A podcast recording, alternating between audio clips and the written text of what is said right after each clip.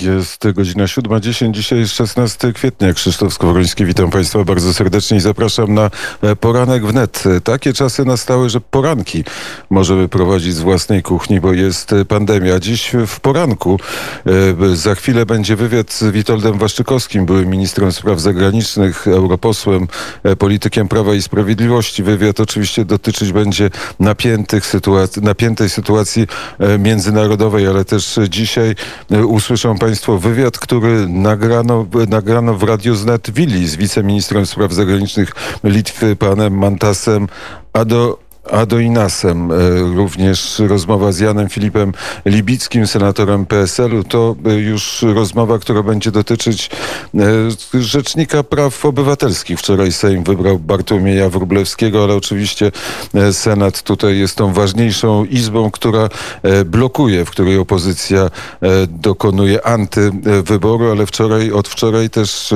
jest orzeczenie Trybunału Konstytucyjnego, który mówi o tym, że kadencja Rzecznika Praw Obywatelskich Obywatelskich nie może być przedłużona. Sytuację polityczną skomentuje Łukasz Jankowski, a na koniec połączymy się z Pawłem Bobołowiczem i posłuchamy wywiadu z żoną Andrzeja e, Poczobuta, bo dzisiaj jest dzień urodzin Andrzeja Poczobuta, dziennikarza, e, Polaka, działacza e, polskiego na Białorusi, który został, siedzi w areszcie i czeka na proces sądowy i na wyrok sądu białoruskiego. Ale zaczynamy od tej napiętej sytuacji międzynarodowej Narodowej. Przy telefonie Witold Waszczykowski, były minister spraw zagranicznych, europoseł, polityk Prawa i Sprawiedliwości. Dzień dobry, panie ministrze. E, dzień dobry panu, dzień dobry państwu.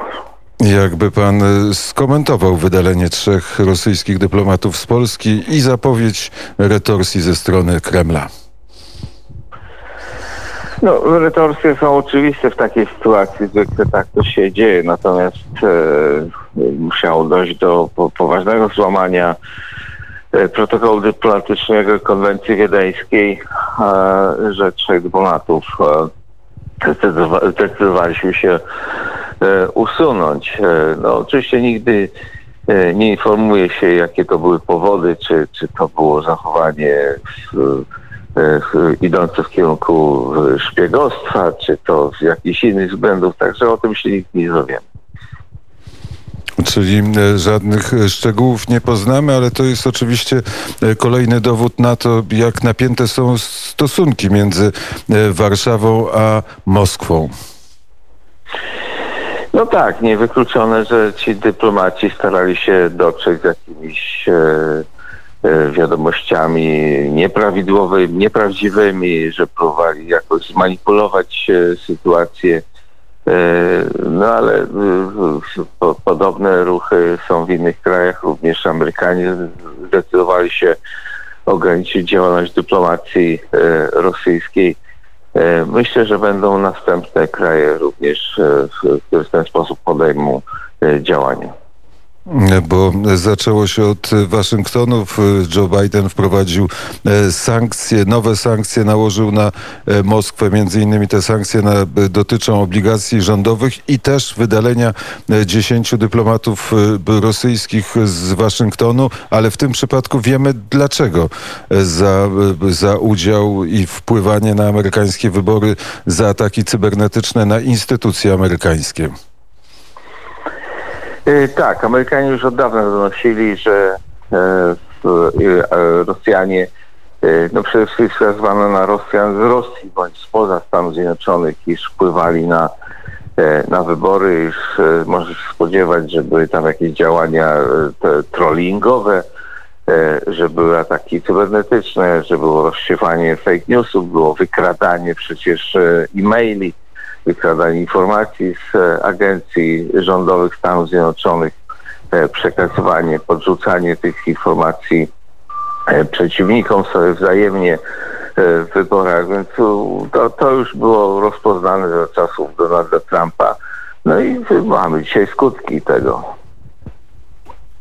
To e, świadczy o wzroście napięcia w stosunkach między Stanami Zjednoczonymi a, a Rosją, ale troszkę jesteśmy zagubieni, jeśli chodzi o politykę Białego Domu, bo najpierw Joe Biden nazywa prezydenta Putina zabójcą, potem proponuje spotkanie w rozmowie tak. telefonicznej, teraz wprowadza sankcje. Są nawet takie komentarze i, i mówi też o konieczności deeskalacji stosunków rosyjsko-amerykańskich. Jak to wszystko przeczytać? Jak to wszystko zrozumieć? Y, no myślę, że to słowo zagubieni jest tutaj właściwe. Rzeczywiście, jak chciałem też przypomnieć, to właśnie bujanie się od ściany do ściany, określanie Putina e, zabójcą, potem e, e, sugerowanie mu szczytu. No to, to oczywiście Putin natychmiast by zdecydował się na taki szczyt, gdyby to było realne, realna propozycja, że on o tym marzy. No Putin od dawna mówił, że upadek Związku Radzieckiego, rozpad Związku Radzieckiego to była największa tragedia w historii Rosji. On w takim planie minimum ma to, aby e, światem rządzał, tak, światem zarządzał taki koncert mocarstw, który był, w którym byłaby Rosja.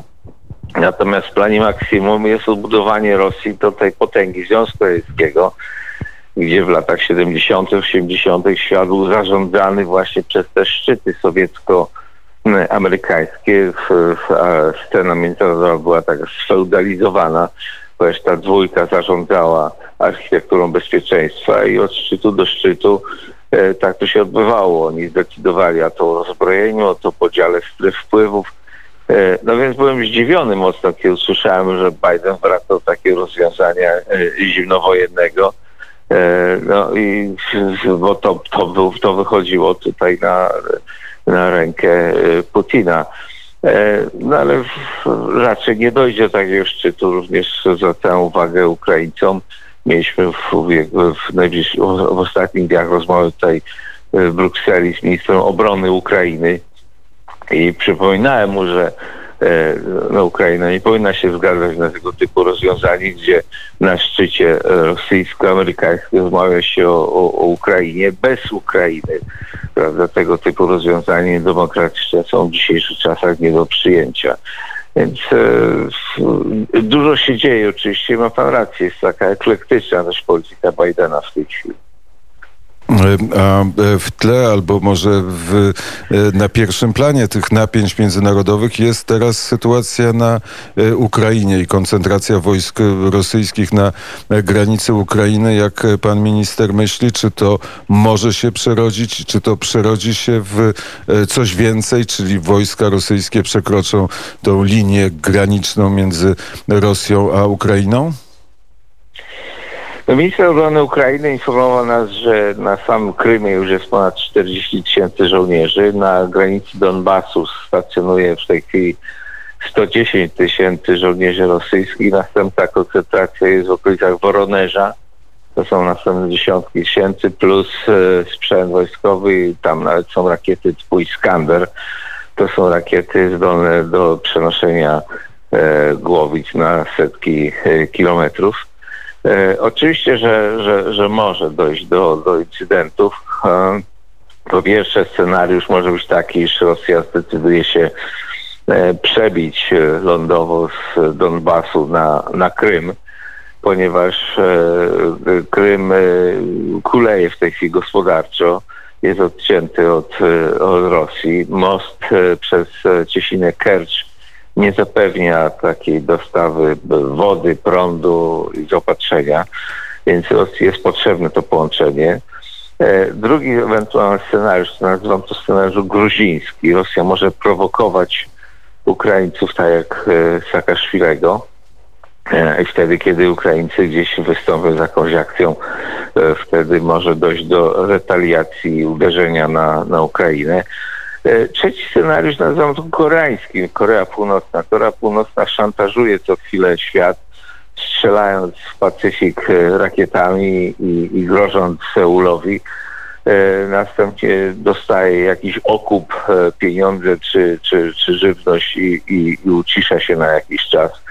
I tak też może być. Eskalując napięcie, Putin czeka na jakiś okup to może być zgoda na dokończenie Nord Stream 2, to może być zgoda Amerykanów na wikłanie się w jakieś skomplikowane e, rozmowy, negocjacje uzbrojeniowe, z których e, e, Rosjanie wymuszą jakieś ustępstwo, bądź to militarne, bądź polityczne, na przykład w Europie i tak dalej. Także są co, co najmniej takie trzy scenariusze. Za każdym z tych scenariuszy oczywiście stoi sytuacja wewnętrzna. Putinowi każdy z tych scenariuszów zrealizowany korzystnie może się opłacać wewnętrznie, ponieważ spodziewa się niedługo wyborów e, i, i oczekuje, że, że na takich akcji e, wojskowo-politycznej zdobędzie punkty poparcia. Tym bardziej, że całej tej sytuacji towarzyszy oczywiście propaganda rosyjska. Rosjanie oglądając wiadomości wiedzą o tym, że to Ukraińcy są tą stroną prowokującą, a Putin tylko broni honoru interesu, i, i interesów Rosji. Ale przyjrzyjmy się temu pierwszemu wariantowi, scenariuszowi. Gdyby do tego doszło, gdyby jednak ta armia rosyjska ruszyła i przekroczyła granicę ukraińską, jaka mogłaby być odpowiedź na to wasze Waszyngtonu, demokratycznego świata? Y, tutaj w Europarlamencie jest y, duże zaniepokojenie i nawet politycy niemieccy twierdzą, że to mogła być poważna odpowiedź. Y, oczywiście sankcje, dalsze sankcje gospodarcze, włącznie z zatrzymaniem zakupu gazu z Rosji. Oni jeszcze nie mówią o zerwaniu budowy Nord Stream, ale już pojawiają się terminy, że należało wstrzymać się z zakupem gazu z Rosji, no bo te pieniądze idące z zakupu gazu są, e, są, to są fundusze, które, z których finansuje się armia i te działania zaczepne. Mówi się o ewentualnym wyłączeniu e, Rosji z tego systemu SWIFT, to jest system operacji finansowych.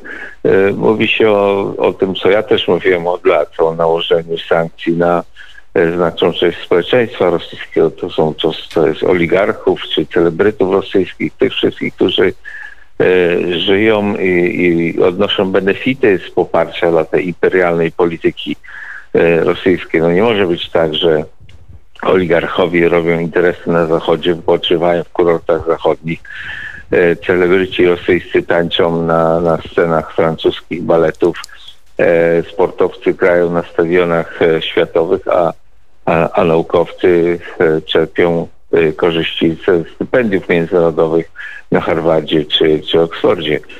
No, no, no, o tym się mówi oczywiście w Parlamencie Europejskim. Natomiast czy rządy zdecydują się na tak gwałtowne działania, no tu jest znak zapytania oczywiście.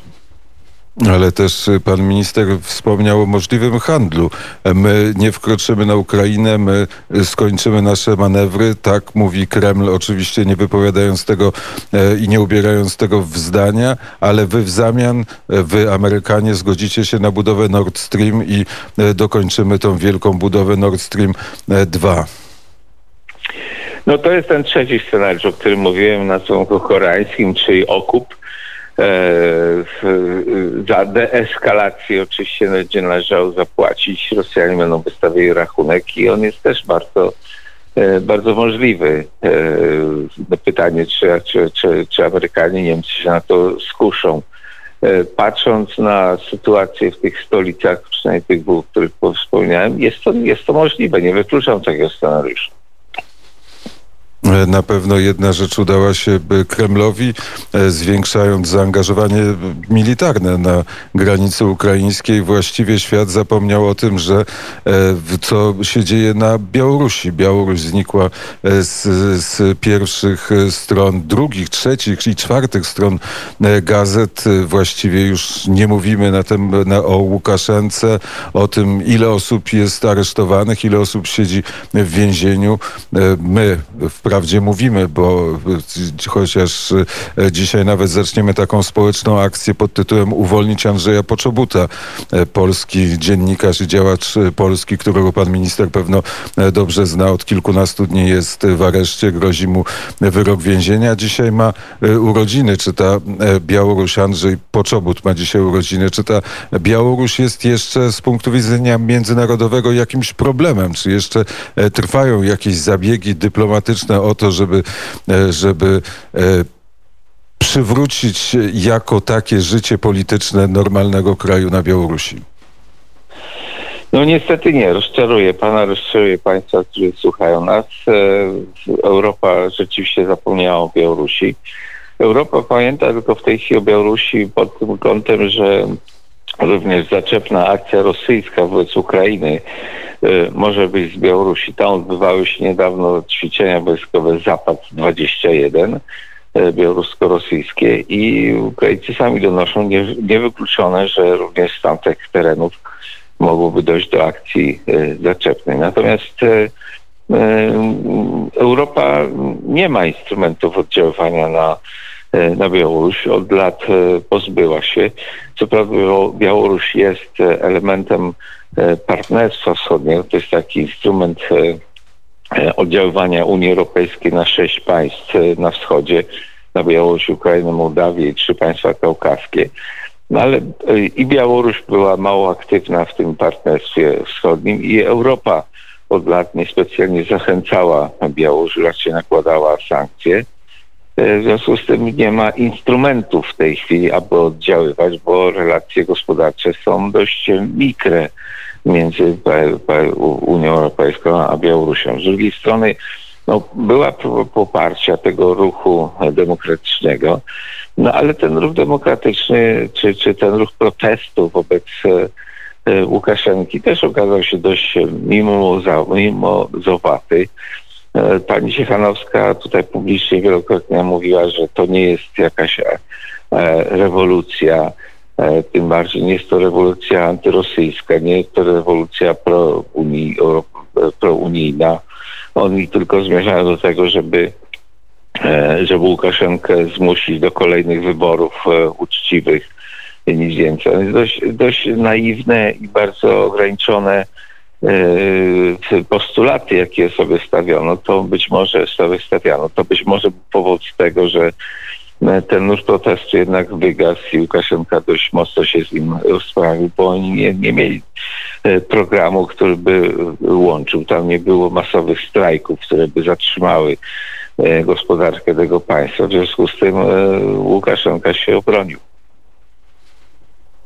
To w takim razie jeszcze wróćmy na chwilę do polityki, e, do polityki amerykańskiej. Decyzja o wycofaniu wojsk amerykańskich z Afganistanu i właściwie radość i oświadczenia talibów, że wygrali wojnę ze Stanami Zjednoczonymi.